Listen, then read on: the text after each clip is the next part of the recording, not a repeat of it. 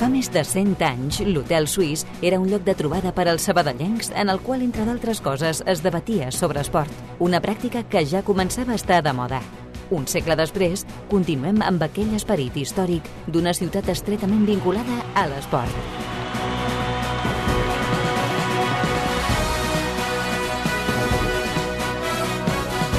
Hotel Suís, amb Adriana Rolló. 5 partits i mig de 10 amb la porteria a 0, la meitat i una ratxa vigent de 248 minuts sense comptar els temps afegits sense encaixar un gol a la porteria d'Adrià Nortolà. És evident que la principal senya d'identitat del Sabadell de Miquillador és al darrere i ahir es va tornar a demostrar contra un candidat a l'ascens com és el Real Murcia. Forts en defensa, els arlequinats no van concedir pràcticament ocasions als pimentoneros i un cop més la signatura pendent torna a ser al davant. Ahir, però, amb un matís. El penal clamorós no xiulat Alberto i que va acabar amb el de Moratalla sancionat per acumulació de targetes, ja que va veure la cinquena groga en la protesta d'aquesta acció. I el pitjor és que DNA Wolf, el col·legiat, estava a 3 metres i sense ningú al davant. El seu arbitratge va treure de polleguera tothom. Grogues que amb prou feines eren faltes discutibles, trompades de campionat com la de Dieste que es van saldar amb falta i prou, el penal que es va menjar, tot el que va arribar a repartir Julio Gracia al mig del camp estant ja en un estat i el repartiment final de 11 grogues, 7 de les quals al Sabadell, en un partit que sí, va ser intens, però ni dur ni violent. En fi, que ha passat un equip de la part alta per la nova Creu Alta, s'ha mantingut la porta a zero una altra vegada i tenim un coixí d'un puntet respecte al descens. A seguir picant pedra. Tot l'esport de la ciutat, d'una a dues a l'Hotel Suís de Ràdio Sabadell. Avui amb la B. Aguilar al control de so comencem. Què passa fora de l'hotel en un minut?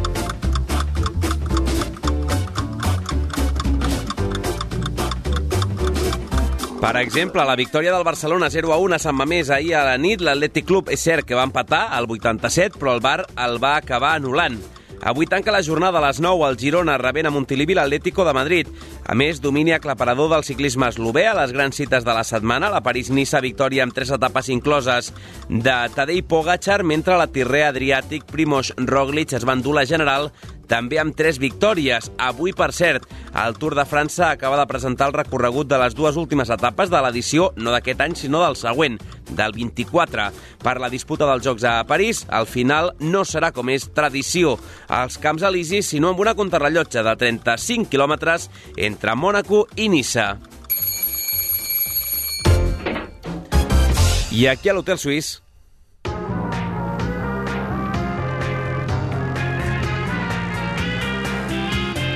comenta la recepció. Farem el postpartit del Sabadell-Múrcia. També parlarem del Sabadell B, de ciclisme, d'handbol o de waterpolo, entre d'altres qüestions. L'actualitat de la primera ref. Pendents, per exemple, del futur de David Modi Movilla, que podria ser destituït. Està a la corda fluixa al Real Unión. També han entredit Vicente Parras al COI, el gran beneficiat de la jornada a la part alta del grup 2, el Castellón, que és segon i que es cursa dos punts la distància respecte al líder.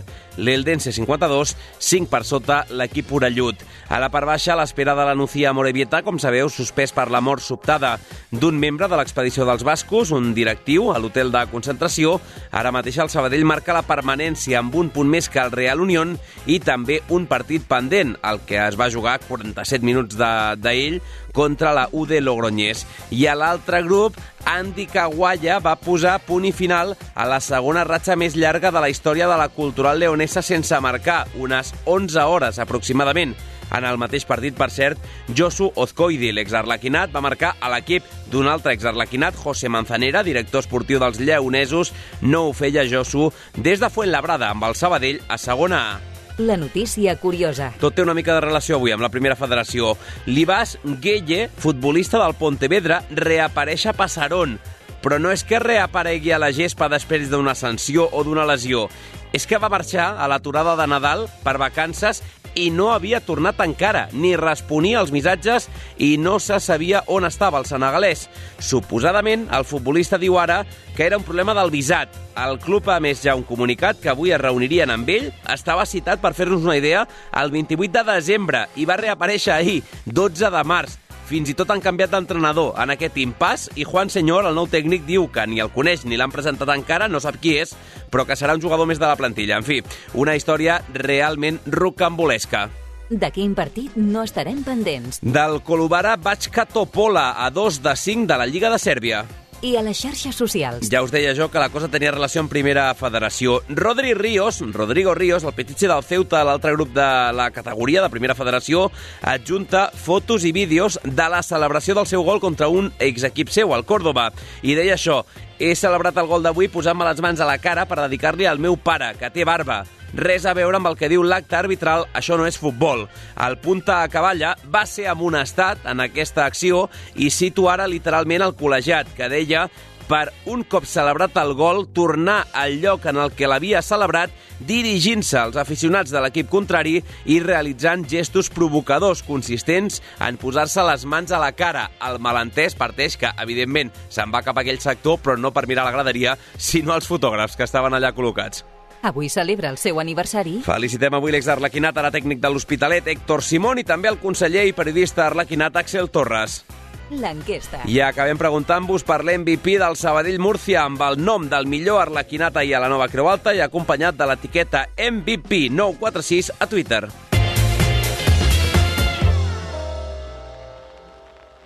Hotel Suís.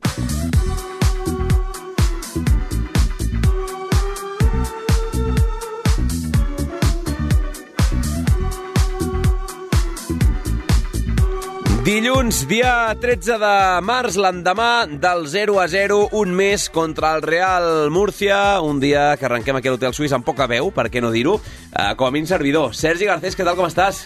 Bona tarda. I de celebrar gols no serà, precisament. No. Uh, 0-0, una nova demostració, aquest cop contra un rival de la part alta de la classificació, de bones sensacions al darrere, de partit igualat, de saber tenir contingut a un rival de, dels que són candidats a l'ascens directament. I per contra també és que no vull fer-me més pesat amb la teoria aquella famosa de la manta, però realment que el Sabadell eh, ara mateix guarda molt bé la roba, però li costa de fer el passet endavant. Sí, li falta aquest puntet de... Ahir deia algun membre de, de l'estaf i també de, de la plantilla aquest puntet de qualitat per acabar de, de desencallar tot plegat, perquè és veritat que l'equip ha guanyat, com dius, en aquesta seriositat defensiva que estem veient en al llarg dels últims mesos, de fet, des de l'arribada, podríem dir-ho així, o des de que Miqui Lladó se'n va fer càrrec com a primer tècnic de la, de la plantilla del centre d'esports, per contra aquesta poca alegria, aquesta poca fantasia amb la qual ens havia acompanyat l'equip al principi de temporada temporada, que el feia un equip doncs, molt més alegre, molt més, eh, de, de generar molt més de cara a la porteria rival, i en canvi ara doncs, se li està fent fosc en aquest tram final, en aquests metres finals, a l'hora de, de decidir, i com dic, de desencallar partits. De fet, podria ser el resum del partit, Adri, per tots dos equips. Eh? Ahir, ahir tots dos van fer allò de fer-se forts des de la solidesa defensiva, però en canvi sense gairebé inquietar la porteria de, del porter rival. En el cas d'Hortolà, una acció gairebé fortuïta amb una pilota rebotada d'un xuc llunyà podria ser l'acció més perillosa que li va generar el Real Murcia. Per contra, el Sabadell en va tenir alguna més, mm, sobretot també amb algun xut mm, llunyà i aquella rematada, anem a dir-ho així, eh, que també havia generat perill eh, envers la, la, la porteria de Joao Costa. Bé, en tot cas, un partit que no passa a la història en aquest sentit eh, per la, la seva oferta ofensiva, però sí per la, per la tensió que es va viure, per la igualtat que es va viure i perquè ningú no diria a dia d'avui la, la diferència que hi ha classificatòria entre, com dius, un Real Murcia fet, pensat i, i creat com a mínim, com a mal menor, per jugar al playoff d'ascens, si no disputar-li l'ascens directe a l'Eldense, i un Sabadell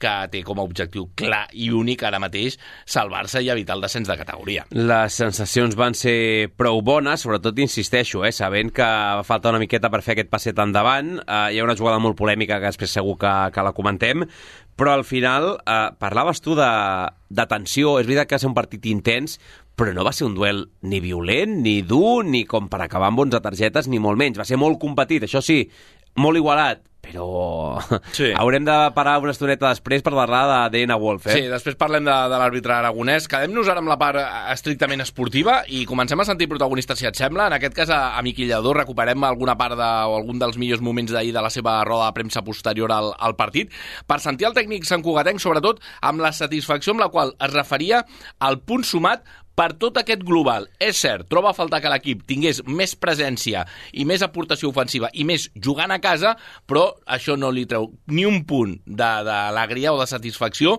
després del partit, com dic, en línies generals, que va fer el seu equip ahir. És cert que, que ells no, no han generat i nosaltres tampoc, molt poc, eh, però bueno, és, és un partit eh, de la categoria on l'equip ha estat francament bé, en fase defensiva, ha tingut estones, estones en pilota, ha sigut un equilibri bo no? I, i, i, i s'ha entre el que és doncs, defensar i atacar. L'afició ens ha animat molt, això ens ha donat una energia extra. Jo personalment estic molt satisfet perquè fent les coses així sempre o, o tindrem moltes possibilitats de, de guanyar punts Satisfet Miqui Lladó amb el que va veure a la gespa, és que com qui no vol la cosa, Sergi, independentment de, de la ratxa de... Es fa estrany, eh? Dos partits i mig, podríem dir, amb, amb l'asterisc de, de la U de l'Oronyès, és que Adrián Hortolà fa gairebé 250 minuts que no encaixa. És veritat que avui fèiem números i no és casualitat que l'altra ratxa de més minuts sense encaixar sigui ja també amb l'arribada de Miqui Lladó. Bé, de fet, amb els últims minuts de tajonar de Gabri Garcia, des de l'últim gol d'Ossassuna Promeses, i fins al del Calahorra unes quantes setmanes després. Estem parlant de 356 minuts entre Víctor Vidal i Sergi Puig, que és la ratxa més llarga de tota la temporada sense encaixar, però vaja, anem camí d'això, són 250 i amb la sensació de, de fermesa al darrere. Sí, i cal remuntar-se en aquest cas per, a, per l'inici d'aquesta nova ratxa a l'acció o des d'aquell maleït partit al nou Pepi Comat davant el líder, davant l'Eldense, i el que va passar posteriorment al penal del conjunt alacantí. Des d'aquell gol, des d'aquella derrota per 1 a 0, com diem, el Sabadell ha encadenat, doncs això, aquells minuts, 30 minuts aproximadament del Pepi Comat i dos partits i mig, comptant aquesta situació estranya que se'ns genera amb els minuts pendents encara del partit davant de la UDL recordant a més, insisteixo, eh, que aquell últim gol, l'únic gol que ha encaixat de fet Hortola des de que s'ha fet càrrec de la porteria arlequinada, va arribar des dels 11 metres, va ser de, de penal. Una demostració numèrica d'aquest nou Sabadell, un equip que està en ple creixement i a més ara acompanyat pels resultats des d'aquesta fortalesa defensiva i insistia ahir Miqui Lladó a l'hora de parlar, que són els números els que revaliden, els que confirmen aquesta sensació gairebé majoritària que podem tenir al voltant de la fortalesa al darrere que està tenint aquest nou centre d'esports. Són nou partits sencers, nou i mig comptant l'UD, i hem encaixat cinc gols. És a dir, està clar eh, que també ens falten l'altra part perquè n'hem marcat sis o set o no sé, sis segurament, no? Però l'equip s'està eh, no adaptant, sinó posant el to que necessita per, per la categoria, per primera ref, venint d'on veníem, érem més, no febles, però, però, però més fràgils, jo crec que la paraula fràgil, i, i jo ara no veig eh, fragilitat, a dia d'avui no veig fragilitat per enlloc, costa fer-nos ocasions de gol, i seguirem així.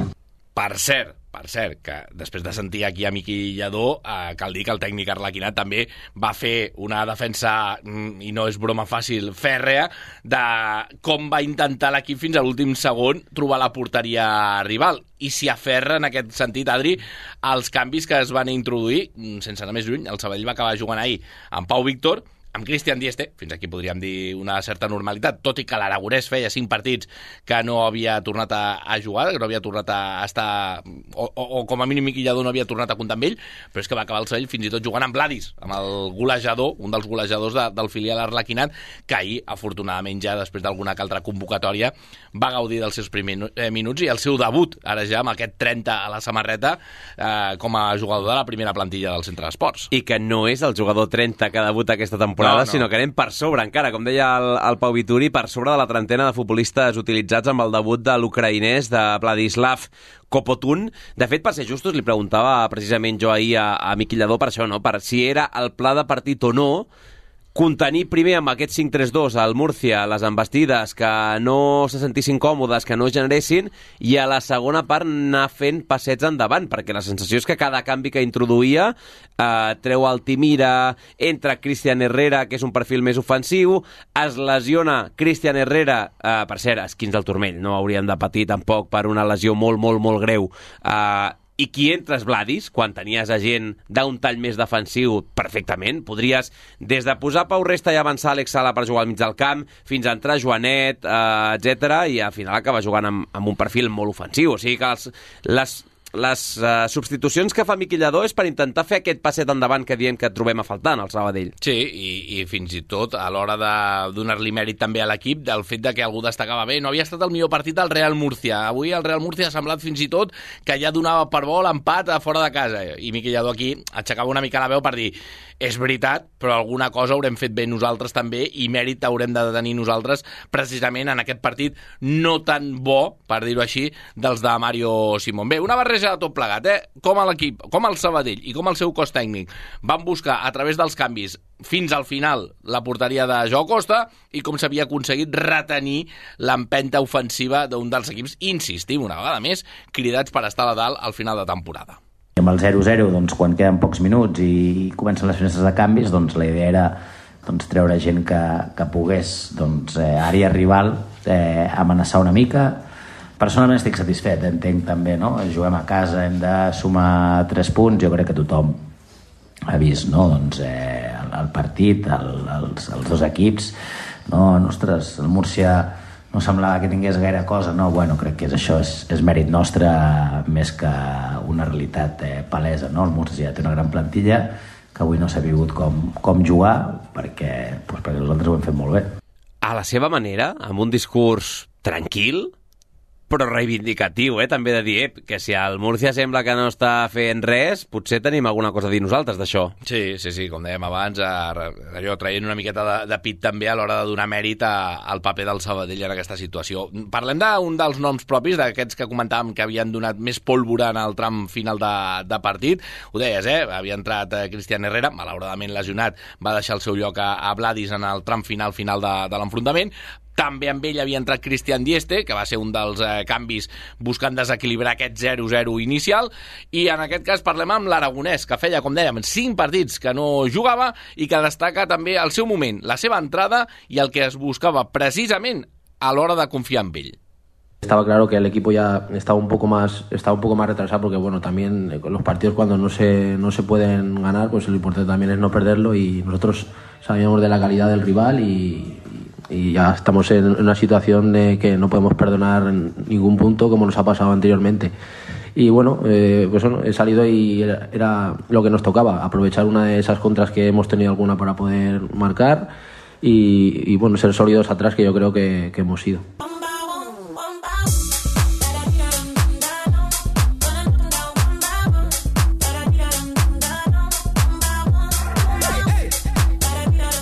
Demà podrem escoltar segurament amb més profunditat a Dieste, també a Armando Corbalán, sobretot a Raúl Baena, el futbolista del Centre d'Esports que ahir va debutar a la nova Creu Alta, igual que Vladis, en el cas de Baena ja havia tingut minuts fora de casa, en el cas de, de Vladis, com em deia ara per l'illa interna al Pau, Xiaoke, 30è, o, o com a mínim en quant a minuts. Estaríem parlant de 31è Xiaoke. M'emociono cada cop que sento parlar del jugador xinès del, del Sabadell. Et ve alguna acció al cap? No, no, bé, l'acció. La delicatessen. El, el que marcarà la temporada un cop en salvem serà pensar i recordar aquell moment gloriós. Que hi va haver un juvenil que va debutar i amb 2 a 0 i el míster a la corda fluixa no se li va acudir una altra cosa que fer una rabona que a sobre li va sortir malament al mig del camp. Vladis contra... molt tímid al costat de, del jugador xinès, en aquest sentit. Ahir no Mira. el vaig veure gens atrevit a l'hora de fer coses. Vladis és el 31è en debutar, el 30è en minuts, perquè va jugar dos minutets més que, que Xiaoke. Uh, crec que podria tenir més oportunitats que Xiaoke després de veure el rendiment de l'un i de l'altre, però vaja.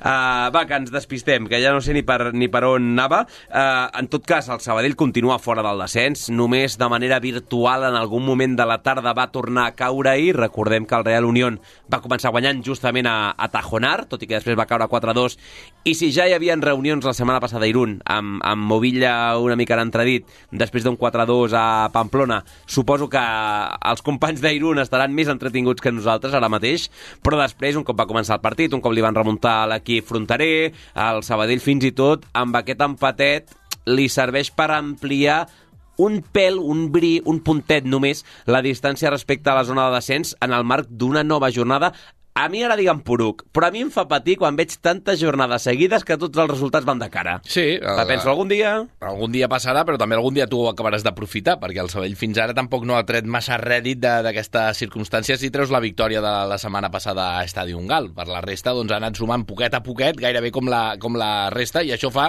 doncs, precisament, que ara aquest únic punt de distància respecte al Real Unión, que continua sent el primer equip que perdria la categoria, doncs eh, continua sent això, mínima distància en aquesta zona baixa. De tota manera, ahir, abans de parlar de números, par- abans de parlar de com queda la classificació, una dosi de moral extra per la dificultat, pel potencial d'aquest rival que estem comentant, i insistim, i ho deia també Miqui Lladó, pensant una miqueta a mig curt termini, Adri, del calendari que li ve o que li queda al Sabadell, sobretot pels equips que encara han de visitar l'estadi fins a final de temporada.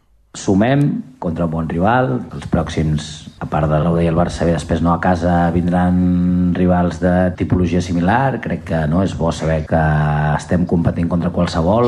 L'equip eh, ho està veient, ho està absorbint, està entenent doncs, doncs el nivell d'atenció i de concentració que hem de tenir per precisament fer els partits que fem avui. En ocasions no, eh, o en altres partits segur que tenim un puntet més de- d'encert de, en aquestes situacions d'última línia, situacions d'àrea, i crec que l'equip fent les coses com les ha fet avui guanyarà molts més partits que no empatar-ne i, i perdre'n.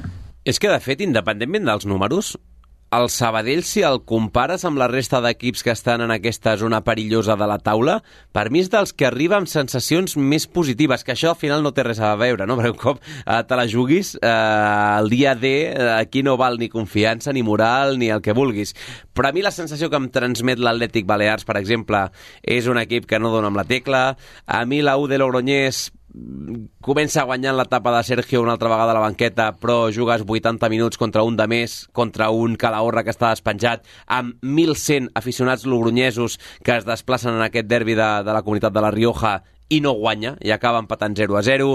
Veus el Real Unión i et transmet sensacions negatives, i en el cas del Sabadell, a mi el que em transmet és un equip que fa bé la feina, que no li dona suficient segurament per guanyar molts partits, però que té, per mi, una manera de fer un punt més, no sé si treballada, si més ferma al darrere, digue-li com vulguis, però jo tinc la sensació que arribem un pèl millor que alguns rivals directes aquest tram final. No, esperem que, que tinguis raó en, en l'observació i que sobretot es confirmi amb números, perquè al final No. és el que necessita... No la corrobores.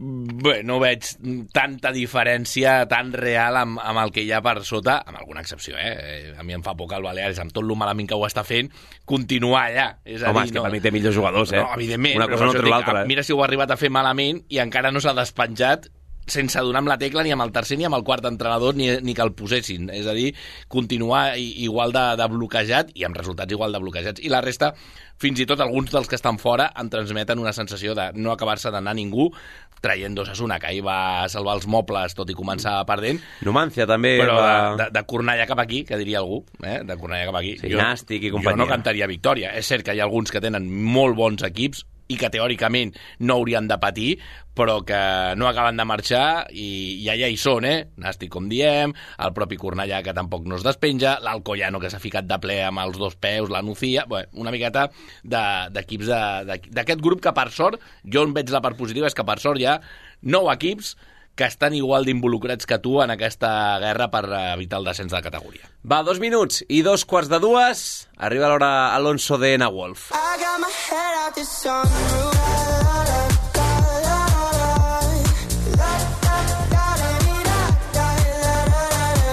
Per mi, Sergi, el protagonista del partit, dins Sens un partit ensupit, un partit tàctic, un partit en el qual el Múrcia s'estavella contra la teva taranyina i tu no ets capaç tampoc de, de trobar-lo en ocasions molt clares a la contra, aquí hi ha un senyor que per mi perd el control, perd les regnes del partit i comença a mostrar grogues a tort i a dret sense criteri i perquè no sembli només una destripada pensant no, és que aquí l'estrip l'està fent l'Adri perquè mm, el penal era penal i no l'assenyala. L'acció per mi que demostra aquesta pèrdua de papers és la trompada de Dieste només entrar, que és de color taronja, i que ni tan sols eh, gairebé xiu la falta de miracle. I penses, home, amb la de grogues fins a 11 que has arribat a, a ensenyar avui, i aquesta no, de veritat. O sigui, eh, va perdre... Jo crec que se li va fer molt llarg el partit Sí, ahir. a ell i als que l'estaven veient per culpa d'ell. És a dir, se'ns va fer molt llarg perquè pensaves que en qualsevol moment es podia fer realment una de, de, de molt grossa, que encara podia passar alguna de, de, de més grossa del que estàvem veient. Al final són 11 targetes, 7 d'elles, per cert, a jugadors del Sabadell, que torna a ampliar el capítol de percebuts, que torna a suposar un jugador sancionat, en aquest cas Alberto, i és que Alberto precisament va ser el protagonista, eh, la víctima, en aquest cas, de l'acció més flagrant en quant a les decisions de, de l'àrbitre, per tot plegat. Primer, perquè estem parlant d'un moment bo del partit, entrada a la primera meitat, perquè era una acció de penal que, com s'ha vist a les imatges de televisió, no deixa cap mena de, de dubte l'entrada sobre Alberto. És evident, i per mi el més greu, el que ja Que vam dir ahir, que és que l'àrbitre està gairebé ensopega amb la jugada de tan a prop i de tan bé que l'estava seguint. No té ningú entremig, ningú. Llavors, és l'acció més clara, després entra tot el reguitzell de targetes a tort i a dret, com dèiem, i de, sense control, perquè va haver-hi un moment que ja era sense, sense control, i d'un partit, en aquest cas, amb un arbitratge absolutament desastrós de l'àrbitre aragonès, que això sí, dirà l'estadística al- d'aquí uns mesos, quan ens el tornem a creuar, que mai no ha perdut el Sabadell amb DNA Wolf, encara que siguin partits com el d'ahir. Fins on sabem del que comenten els protagonistes, és a dir, terceres persones, la justificació de l'àrbitre, amb el qual no van parlar, evidentment, d'aquesta acció, és que si assenyalava aquest penal, n'havia d'assenyalar molts, perquè dins de l'àrea hi ha moltes jugades com aquesta. Home, vista la repetició amb la càmera slow que tenien els companys de televisió de Catalunya i a la nova Creu Alta, és que és clamorós, Sí, sí, és sí. clamorós. A tot això, l'estadística que continua ampliant-se. 55 No, no, no la de vermelles, eh? No, no, no. Que no. també, no, aquesta no. va... Estem parlant de 16 dies, ai, perdó, 16 dies, 16 mesos sense que el Sabadell li xiulin un partit o un penal a casa. Sí que tenim el penal de Sòria d'aquesta temporada. Sí, o el Johan Cruyff que, també. Que ajuda, però a casa estem parlant de 16 mesos. 16 mesos. 26 partits els que ja acumula l'equip a l'estadi sense veure un penal a favor. Perquè la gent es faci una idea... 500 dies, eh, estem parlant? 500 dies, sí, sí. Ens hem de remuntar a l'època o etapa d'Antonio Hidalgo encara a la banqueta del Sabadell per aquell eh, penal davant el San Fernando d'un partit que va acabar malauradament molt malament amb la El, derrota el gol de Jacobo, Correcte. després d'un gol en pròpia, el, el que era el 2-0, que acaba en 2-3. Correcte, aquella derrota davant el conjunt gadità, però amb Antonio Hidalgo encara a la banqueta. És l'últim penal a casa que li xiulen al Sabadell i ahir a Miqui Lladó, que de tant en tant li agrada entrar en algun jardinet, com ja ens ha demostrat aquest any, se li, Com ha dit, per se això. li posa habita el jardí, que ja és d'agrair, habita el jardí, i ho va fer, jo crec que d'una manera molt, molt sutil, tirant d'ironia a l'hora de respondre de, de quan arribarà aquest penal a casa a favor del Sabadell. Sí, no, si l'he vist, eh, penal, no? Doncs, bueno, ja està. Uh, arribarà, no? Quantes setmanes són? No, moltes, no? Un any, any i mig, no sé quantes són. Arribarà, arribarà. Ja ens el, ja ens el pitaran i, i arribarà. Se li escapava el riure. I arribarà. Hem de tenir pressa. Estem més a prop. Diria Lluís Carreras que estem més a prop de que això passi. Cada partit que no passa, un partit més a prop de, de que això succeeixi. Se li escapava el riure quan li llenço la pregunta i la sensació és que, en certa manera, recordem que pendent... Per cert, no t'he preguntat avui, sense notícies encara de... No, ja ha arribat la, la, la, la sanció, com a mínim, en aquest cas, la, la, la petició de sanció ja ha arribat, ja és oficial. Ara el Sabadell té 10 dies per presentar recurs o al·legacions a la sanció de quatre partits que li caurà a Miqui Lladó, com ell mateix avançava, de fet, divendres. Què alegues? La, no, no, la proposta, la proposta de sanció ja la tenim. Deu, eh, perdó, quatre partits. De fet, torno a dir, di, el divendres en l'Hotel Suís sentíem a Miqui Lladó que ell mateix avançava la notícia. 10 dies que acabaran el dia 20, Clar, eh, per mi la pregunta que el és... Sabadell no presentarà recurs, ja t'ho dic ara, eh? li ha caigut la més baixa de, de les que li podien caure, de 4 a 12, només 4. Per Bueno, tant, sí. hem anat pel perfil baix de, de la possibilitat. Però per mi la pregunta és, has complert pràcticament la sanció contra l'Eldense per la vermella com a tal, et quedaran els 43 minuts de la UD d'aquí a 10 dies que no podrà seure ja està. Ahir sí que va ser-hi, a la banqueta, i això dels 10 dies implica que Alezama sí que s'asseu i a partir del Barça Atlètic torna a complir-ne 4? Correcte, tal qual. És a dir, si no passa res estrany, eh, i ningú em diu el contrari, com el Sabadell no presentarà recurs, però els 10 dies han de, han de passar, s'han de- d'esgotar, doncs eh, Alezama pot seure Miqui Lladó perquè, insisteixo, la sanció caurà a partir del dia 20, dilluns de la setmana que ve, caurà aquesta proposta de sanció ja en ferm eh, contra Miqui Lladó, per tant, es perdrà els següents quatre partits, que ara tiro de memòria, estem parlant de Barça Atlètic, Sanse, diria que és Nàstic de Tarragona i SD Logroñés al Nou Les Gaunes. No crec haver-me deixat ningú i segur no, que... no, sí, sí, t'has equivocat un.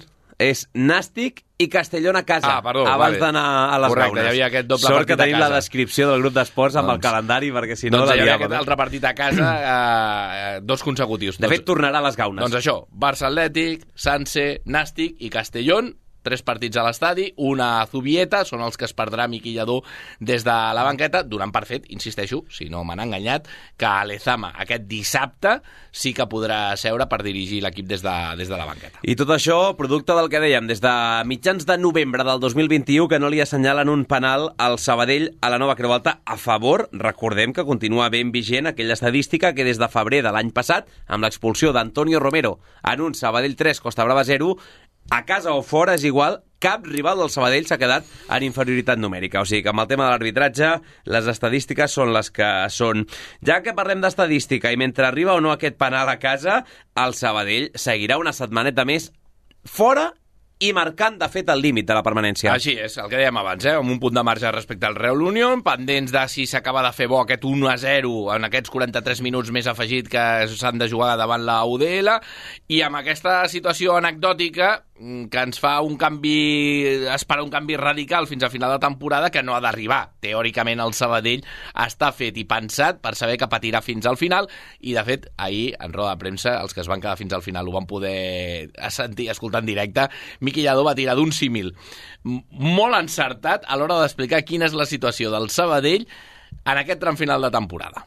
Estem nedant brassa, és a dir, traiem el cap, tornem a ficar, traiem el cap, el tornem a ficar i estem responent bé a, a, a això i estem en la disposició de, de competir els partits, que entenc eh, que a vegades sembla que no sigui suficient, però estem en aquest, en aquest escenari de, de lluitar fins al final, lluitarem moltíssim, Eh, jo em sento satisfet i s'ha de felicitar l'equip per l'energia que han posat i ara descansarem i, i anirem a Bilbao doncs, com sempre, eh? amb ganes de, de sumar els tres punts. Ben trobat el símil, eh? Ahir se m'escapava el riure quan va comentar la jugada, perquè al principi va ser com, com una cursa de braça, què m'estàs dient?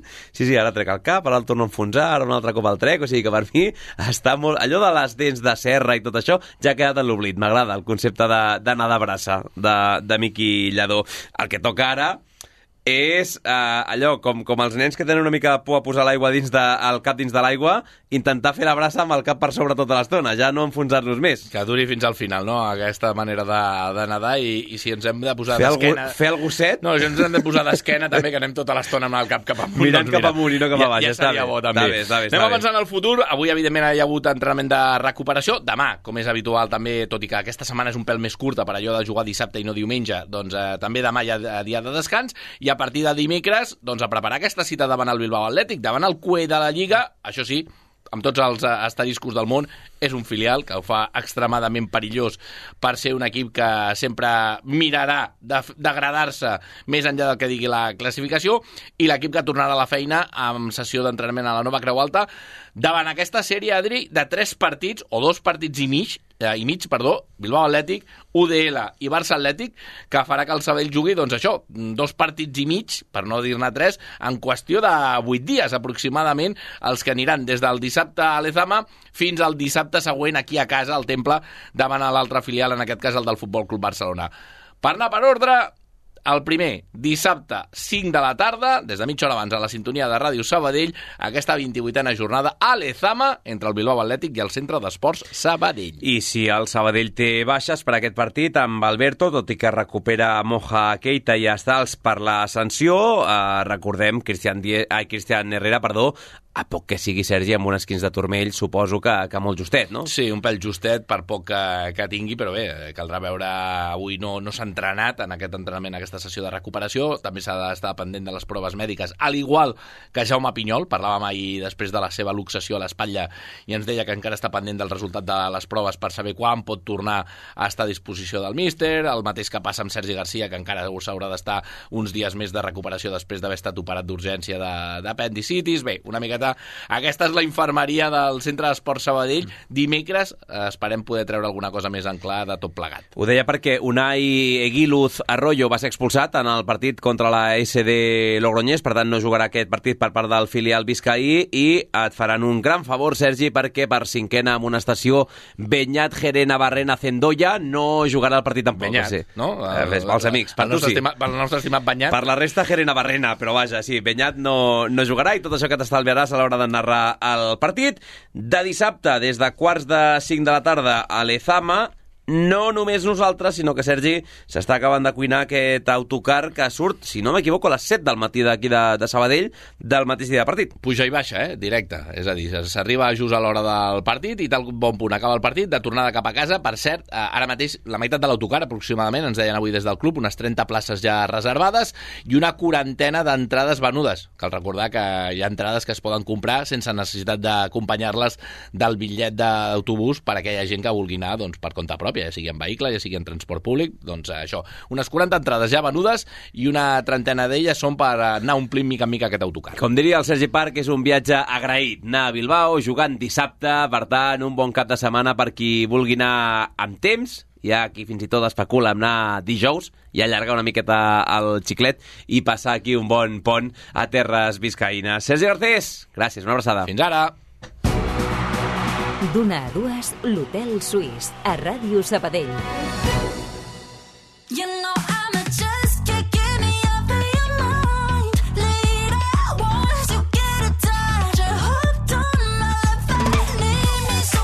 Per acabar de completar el bloc futbolístic amb una mica més de centre d'esports, el Sabadell B s'ha consolidat a les places de Superliga catalana. Els arlequinats són quarts ara mateix del seu grup de primera catalana, un punt per sobre del proper rival, la Guinaueta, que ve de perdre el camp del líder a Mollerussa i ja amb 3 de marge respecte al primer que no pujaria directament. Per contra, si mirem cap amunt, si som més ambiciosos, l'escletxa és de 5 punts respecte al Rubí, el tercer, que no ha cedit ni un sol punt a un terreny de joc Can Rosés, que visitarà l'equip de Marnomen d'aquí a res, un maset mal comptat. Tot després d'una nova victòria del Sabadell B, aquest cop 3 a 0, amb contundència Olímpia, contra el Balaguer i que allarga ja la ratxa d'una única derrota, la de l'anterior partit a Olímpia contra l'Horta, en les darreres 12 jornades del campionat. Marc Nomen, el tècnic dels arlequinats, destaca sobretot el bon joc que van mostrar. Jo crec que és un partit bastant complet uh, i, més, i més en un dia d'aquests que hi ha vent, que, que,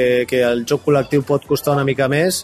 Eh, crec que l'equip s'ho ha pres molt en sèrio des del minut 1 Eh, crec que hem trobat les rutes de joc correctes per poder arribar a la porteria rival i una pena perquè crec que els primers 25 minuts han sigut de futbol total que ens haguessin pogut posar 2 o 3 a 0 eh, però bueno eh, partit molt, molt, molt controlat eh, amb, amb poques ocasions del rival i amb, i amb domini que, que ha acabat amb aquest resultat favorable. Tot i la baixa en el filial de Vladis Kopotun, que com dèiem ara amb el Sergi, va debutar amb el primer equip sent el jugador número 31, que ho fa la primera plantilla a Primera Federació aquesta temporada, el filial va guanyar amb els gols d'Oriol Vidal, de Xavi Laborde i el primer de José Enrique Carrasco, qui és el nou Pichichi Arlequinat, un gol per sobre ja de Vladis, i el segon màxim golejador de tot el grup, amb 10 dianes en total. A falta de 10 partits precisament pel final de la Lliga, l'equip està complint amb l'objectiu, com comenta Nomen. Sabem que i som ambiciosos i som conscients de que, de que volem esgarrapar una d'aquestes cinc places que doni un ascens i, i l'equip eh, està jugant amb, amb aquesta ambició, amb, però a més fent-ho d'una manera molt valenta, eh, sent l'equip o intentant ser l'equip proactiu del partit i, i ens centrarem en el següent rival que és la Guinaueta i, i anirem partit a partit, però, però sí, l'objectiu és, és el, el d'intentar l'ascens i, i per això estem treballant dur i els, i els xaves la veritat és que estan corrent molt, estan fent molts esforços, estan intentant aplicar el pla de partit i de moment anem bé. Satisfet, per tant, Nomen, atenció amb el calendari que tindran per davant. Per això, amb les 10 jornades que queden a primera catalana, els nois del filial Arlequinat, perquè, déu nhi recordem que el primer classificat està molt lluny, el Mollerussa, que és qui tindria ara mateix el bitllet directe per la tercera divisió. Del segon al cinquè aniria en aquesta nova categoria que s'ha de formar, la Superliga Superliga catalana i fins i tot els dos millors sisens jugarien una eliminatòria per acabar de tancar la quota d'equips que participaran en aquesta Superliga. Per tant, com dèiem ara, l'objectiu està complint-se ara mateix, però atenció perquè dels 10 partits que queden, els arlequinats encara s'han d'enfrontar al líder, al segon, el tercer i el que tenen just per sota, el cinquè. A més, l'últim partit ha servit també per retrobar-se amb el triomf Olímpia, després de la derrota que dèiem contra l'Horta, i feia gairebé dos mesos, i això que es fa estrany, eh, en plena dinàmica positiva de, de l'equip arlequinat, que no guanyaven de locals. També és veritat que per capricis del calendari i per l'intercanvi de terrenys de joc amb el Sant Mauro entre la primera i la segona volta. Ho ha explicat un dels més insistents en l'atac contra el Balaguer, Miquel Ostrell. Les sensacions són bones, guanyar 3 a 0 a casa després de molt de temps de no guanyar a casa, això sempre senta bé. I, bueno, has dit que el perill venia per la meva banda, però al final això és un joc d'equip i el perill ve gràcies a que tot l'equip participa bé i les coses surten bé. Una última dada en referència a l'atac arlequinat. El Sabadell ve anotat 10 gols en dos partits. 10 gols entre els 3 de Balaguer i els 7 de Llafià en aquestes dues últimes jornades i tot abans d'aquest partit de diumenge a les 12 al camp de la Guineueta. Per cert, avui s'ha confirmat que el porter d'origen de Burkina Faso, Sebas Tou, jugarà cedit del Sabadell B al Granollers de l'altre grup de primera catalana. Tres quarts de dues, publicitat, la B ens ven quatre coses i el Pau Vitori ja el tinc per aquí per parlar una mica de ciclisme.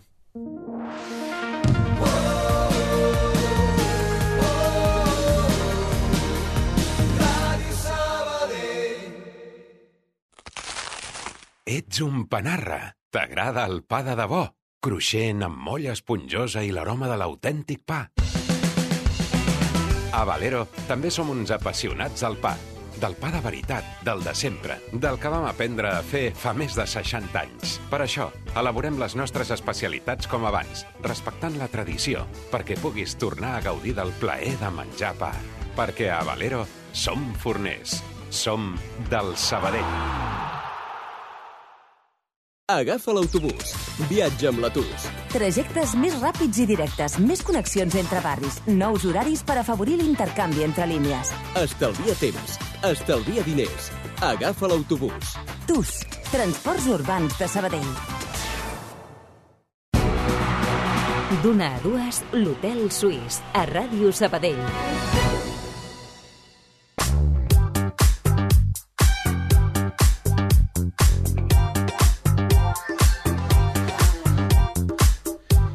Som-hi va de tornada en aquest hotel suís, el del dia 13 de març, en ciclisme, les dues clàssiques que organitza des de fa anys i panys. La Unió Ciclista Sabadell han tingut monopoli rus per segon any consecutiu. Pau Vituri, com estàs? Què tal, Adri? Bon dia. No sé com es diu ara bon dia en rus. Tampoc ho buscaré, eh? No sé si tu t'animes, potser ara em sorprens, però...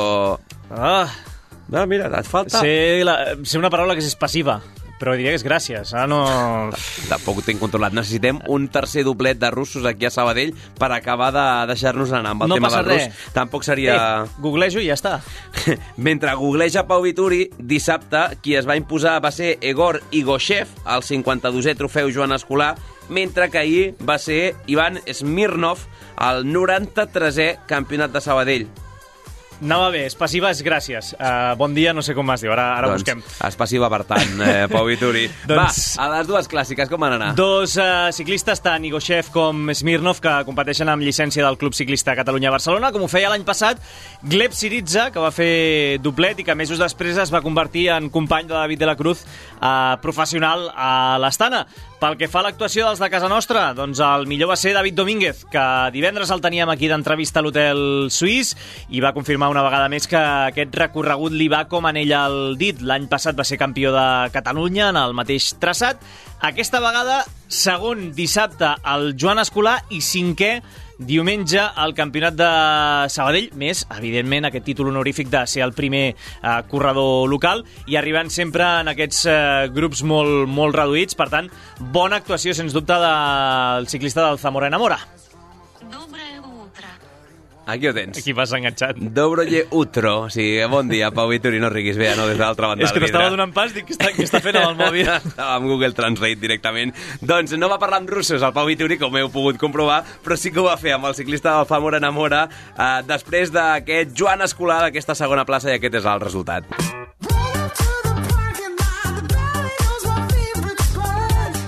Doncs amb el David Domínguez. David, què tal, com estàs? Bé, molt bé. Com se sol dir en l'argot futbolístic, avui pilota al pal. Sí, avui hem pogut eh, aconseguir una segona posició a la cursa aquí al trofeu Joan Escolar i bueno, la veritat que molt contents. No sabia com em trobaria perquè al final només hem fet dues curses aquest any i la veritat que ha sortit un dia molt bo. Com ha anat la cosa? Com ha anat la, la cursa? Doncs cap al quilòmetre 10 així s'ha anat un grup gran d'uns 11 corredors i en una pujada de quilòmetre i mig eh, he decidit atacar per veure si podia enllaçar jo sol i ha vingut amb mi el corredor rus que finalment ha guanyat i hem pogut enllaçar els dos i cap a Sant Feliu de Codines així hem, hem seleccionat el grup i ja hem marxat els quatre que, que, hem, que hem fet camí i a falta d'uns 25 a meta o així s'ha quedat un corredor francès i ja hem arribat els tres a meta. Al final heu arribat 10-15 minuts abans de l'hora prevista, senyal que s'ha anat molt ràpid avui, no? Sí, sí, avui s'ha anat molt, molt ràpid. Eh, hi havia una mica de vent de cara pujant i després una mica més favorable, però s'ha anat molt ràpid. La velocitat mitja ho demostra i els bats que posava el Garmin també i ha sigut molt, molt dur. El vent, ara comentaves tu també, un altre factor a tenir en compte avui, no? Perquè abans de, de la sortida pensava, mai mare meva, quines ratxes de vent que estan fent, vent de, de cara, realment ha estat tan dur? Sí, bueno, al final eh, al matí feia una mica més de vent, eh, sí, més de vent, però a la tarda bueno, ha baixat una mica, però era bastant incòmode rodar la fuga perquè són menys corredors, llavors et toca més l'aire de, de tots costats i, i es fa una mica més incòmode i es fa molt dur perquè al final estàs molt menys protegit i es fa més dura la cursa. Al final, David, també el fet de jugar-se la victòria contra un rus del, del Club Ciclista Catalunya, contra un australià que estava a l'Education First fins fa no gaire, amb un francès, suposo que és motiu de, de satisfacció, no?, el fet de, també d'haver-se de, de jugar a les garrofes contra ciclistes d'altres països. Sí, ja quan hem, quan hem arribat a la fuga he vist el, el nivell que era molt alt d'aquest grup. Eh, he, he sabut que, era, que seria un dia molt dur i quan hem seleccionat i he vist els rivals que tenia sabia que se'n faria molt dur fins al final i, i bueno, al final he rascat una segona posició que és molt valiosa per mi i demà tindrem una altra oportunitat. El que està clar és que t'agrada, eh, aquest circuit, perquè ja l'any passat al Campionat de, de Catalunya, que vas guanyar aquí, una tercera posició també al, al Joan Escolar, aquest circuit se't dona bé. Sí, és un circuit on entrenem la grupeta d'aquí cada dia i és, són unes carreteres on les conec perfect, perfectament, tinc molt públic i això també és una motivació extra i bueno, se m'adequen bastant a les característiques així de mitja muntanya i, i la veritat que, que és, és un recorregut molt maco i on, on es, pot, es poden fer bones curses. David, felicitats. Moltes gràcies. Hotel Suís. D'un David a un altre, seguim parlant de ciclisme. Ara parlava de corredors francesos aquí a les clàssiques de la Unió Ciclista Sabadell. A França l'hem tingut a l'altre David, el David de la Cruz, Pau, amb un dotzè lloc aquest cap de setmana, amb enganxada inclosa amb Tadej Pogacar a la París-Nissa. Sí, va estar molt actiu el sabadellenc en les dues últimes etapes, eh, buscant el que seria, eh, o el que hauria estat el seu tercer triomf parcial en aquesta prestigiosa volta d'una setmana, però no va tenir èxit ni de la Cruz ni m'atreviria a dir que els 180 ciclistes restants perquè hi va haver un extraterrestre que ho va voler tot, ho va voler guanyar tot, com va ser l'esloveta de Pogacar i de fet, com ara deies Adri, eh, de la Cruz va protagonitzar un gest viral en aquesta última etapa en final a Nissa recriminant-li que el seu equip, l'UAE, eh, doncs neutralitzés qualsevol intent de la resta de ciclistes. Companys en el seu dia. Ah, això t'anava a dir, companys en el seu dia, de la Cruz i Pogacar. Bé, pròxima cita en el calendari de, de la Cruz, atenció, eh, que és aquesta Volta a Catalunya que dijous a les 10 del matí es presenta aquí a Sabadell, que arrenca dilluns de la setmana que ve, d'aquí a 7 dies, i que el dijous 23 farà parada aquí a la ciutat, amb el final d'etapa a l'Eix Macià. Doncs hem tingut un tastet amb eh, les dues clàssiques, amb el Joan Escolar i el Campionat de Sabadell, i tindrem la volta d'aquí a uns dies aquí a la ciutat. Gràcies, Pau Vitori. Adéu.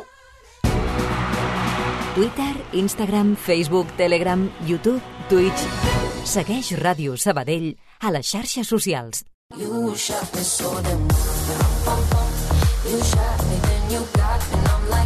M'ha deixat el test, però no ha volgut eh, venir a donar la cara. Eh? Després d'una jornada que havia de ser propícia per l'Oar Gràcia masculí, ho dic de broma perquè, evidentment, eh, vam estar parlant sobre aquesta qüestió a l'Hotel Suís de la setmana passada amb el Sergi Parc. Aquesta jornada sobre el paper propícia es va girar. S'ha convertit en una jornada realment negra per l'equip masculí de l'Oar. Els de Pere Llats van caure de forma sorprenent a la pista d'un equip de la zona baixa com és el Sant Esteve Sarrovires. Ho van fer 31 a 28 per 3 gols de diferència i han perdut bona part de les opcions d'entrar a les fases d'ascens. Bernat Correro, el capità i autor de 10 gols, que van resultar totalment estèrils, també ho hem de dir, fa aquesta autocrítica. exceptuant potser els 15 primers minuts, que van ser van ser molt bons, després, bueno, una desconnexió general i al final quan vas a remolc contra equips d'aquests que a més s'estan jugant s'estan jugant també ells no baixar i, bueno, doncs al final, no et diria tampoc un final que ara ho creu perquè no hem arribat en el final, però, però bueno, una desconnexió general tot el partit jo crec i no, no ens vam arribar a ficar dins del partit. Ara la Roca, el segon classificat i últim que accediria a les fases, suma 4 punts més que els verdiblancs. El Sant Cugat en té un més, però té un partit pendent i fins i tot la Salle Moncada ha passat per davant a la classificació. Tot i que encara queden 7 jornades i, per tant, l'estadística dona, dona de sí, hi ha un bon grapat d'enfrontaments directes, Correro admet que necessiten una carambola per acabar segons. Sabent els partits que quedaven i, i els que ens queden a nosaltres de la gent de part alta, encara teníem opcions. Si guanyàvem, havent perdut. Matemàticament no, no hem perdut opcions, està clar, però, però sí que hem fet un, un pas molt enrere, en som conscients, però bueno, jo crec que també hem de ser suficient madurs, diguéssim, com a equip per, per poder seguir lluitant per arribar al màxim amunt possible i inclús si els de dalt bueno, passés alguna cosa molt rara, ja et dic, encara queda una, una mínima opció, doncs no deixar-nos anar. Qui no va fallar va ser el femení de l'OAR a casa, també contra un rival de la part baixa de plata, com és l'Amposta, imposant-se per un clar 31 a 21. Resultat, això sí, un pèl enganyós perquè les del Montsià, com explica la jugadora Clàudia Marrugat, van plantar cara. Ens ha costat molt. De fet, ha sigut, jo crec, un partit com molt... una mica feixuc. Ha sigut cap al final que ens, que ens hem anat del marcador, però durant tot el partit bueno, ens han fet un plantejament que no, no teníem previst. Han corregut molt quan creiem que era un equip que no, no ens correria i a nosaltres ens, han, ens hem adaptat al seu ritme i ens ha costat, ens ha costat jugar al nostre joc. Jornada per ser en què tots els de la part alta van guanyar i tot continua igual. Mislata i Oar farien les fases com a primer i segon amb un punt de diferència entre ells i el Sant Vicenç es manté com a alternativa a 5 punts de les gracienques. Tenim molt clar que, que anirem a fases, però realment mires la classificació i mires, bueno, no, fas números i dius, bueno, encara no és 100% segur. I això et fa una mica posar la por al cos, però jo crec que amb la dinàmica que portem i, i com estem entrenant ho tenim bastant coll avall. Seria una decepció molt gran després de tota la temporada estar allà segones que ara no, no se'ns complís aquest somni, però jo crec que l'equip està més aviat convençut de que ho aconseguirà que no pas pendent de, de qui pugui punxar. Només queden quatre jornades de competició per a les de Carol Carbona afronten ara dues sortides consecutives de molt nivell aquest cap de setmana a la pista de León, Alicante i d'aquí a 15 dies a la Roca. I per cert, un apunt més d'handbol, els hispanos van tornar a perdre ahir contra Suècia, en aquest cas 30-31 a l'Olivo Arena de Jaén. Els sabadellencs Aleix Gómez i Dani Fernández van fer 3 i 2 gols respectivament en aquesta nova desfeta d'Espanya, tal com va passar fa uns dies a terres sueques. Els de Jordi Rivera es queden tercers del seu grup amb dos punts en aquesta EAKEFA Eurocup. I hi ha esports a la ciutat que estan creixent cada cop més i la gimnàstica artística i el parkour en són dos exemples. El Sabadell Gimnàstic Club fa pocs mesos que ha començat a gestionar el, el gimnàs municipal a la plaça Frederic Montpou i està oferint que els més petits puguin gaudir de dos esports poc practicats a la zona. La presidenta del Sabadell Gimnàstic Club, Cristina Vinyas, expressa amb felicitat l'èxit que està vivint la segona vida del gimnàs municipal tenim un bon número de nens i nenes que venen a fer gimnàstica i això és el que com a objectiu ens havíem plantejat, mm, obrir la instal·lació i oferir el nostre servei al màxim nombre de nens i nenes que poguessin venir. I això ho estem fent perquè tenim prop de 200, entre 200 i 250 nens i nenes que venen a fer gimnàstica artística o parkour i també tenim gent adulta que ve a fer activitats dirigides i això per nosaltres és un gran èxit. Amb bons resultats a la Copa Catalana de Gimnàstica Artística de l'Associació i l'acollida de la segona jornada de competició de gimnàstica artística organitzada pel Consell Esportiu de Sabadell amb més de 150 participants, el club ha observat com l'interès per a aquests esports ha crescut. Diverses entitats d'altres ciutats com Sant Manat o Bellaterra han assistit a aquesta competició i tots els equips a la vora de Sabadell veuen amb il·lusió tenir un altre seu a més a prop que no sigui Barcelona. Vinyas explica amb més detall les projeccions d'aquestes competicions el fet que s'hagin apuntat més de 150 nens i nenes doncs és una mostra d'això. I a més creiem que com a primera vegada és una, és una bona notícia que hi hagi tant nens, però és que en un futur jo crec que participaran molts més perquè diguem que ara estem una mica donant-li volada a aquesta activitat, però a mida que les entitats i les escoles que practiquen aquest esport eh, vagin sabent que aquí organitzem aquesta competició, eh, bueno, acabarà participant molta més gent, segur. L'associació té més reptes de cara al futur i amb els èxits recents sembla que el creixement serà cada cop més alt. Avui acabem el programa amb un parell de punts ràpids de waterpolo. El femení de l'Estalpol Natació Sabadell va guanyar dissabte a la piscina del Tenerife Echeide per un contundent 6 a 23 amb Maica Garcia i Elena Ruiz fent 4 gols cadascuna i continua liderant la divisió d'honor amb dos punts i un partit més respecte al Mataró. D'altra banda, els tres waterpolistes de l'Estalpol que es troben disputant la Copa del Món amb la selecció espanyola, Sergi Cabanes, Bernat Sanauja i el porter Edu Lorrio, clouen avui la seva participació a Podgorica enfrontant-se a Austràlia a dos quarts de vuit. Ahir, tot i els cinc gols de Sanauja, el combinat de David Martín va patir la primera derrota contra Sèrbia a la tanda de penals. Tot i això, i ja amb la classificació per la fase final a la butxaca, Espanya té a la seva mà acabar com a primera de grup en cas de victòria avui contra els australians, que són el fanalet vermell d'aquest grup B. Gairebé les dues marxem, deixem pas als companys informatius amb el Notícies Migdia, recordant que al vespre tenim cita amb el Tribuna Preferent a quarts de vuit i enviem-vos una abraçada del control de so de la Bea Ortiz, oi, de la Bea Ortiz, de la Bea Aguilar, que ha estat al control de so. T'he fet waterpolista per un moment. Que vagi bé, una abraçada, bon dilluns.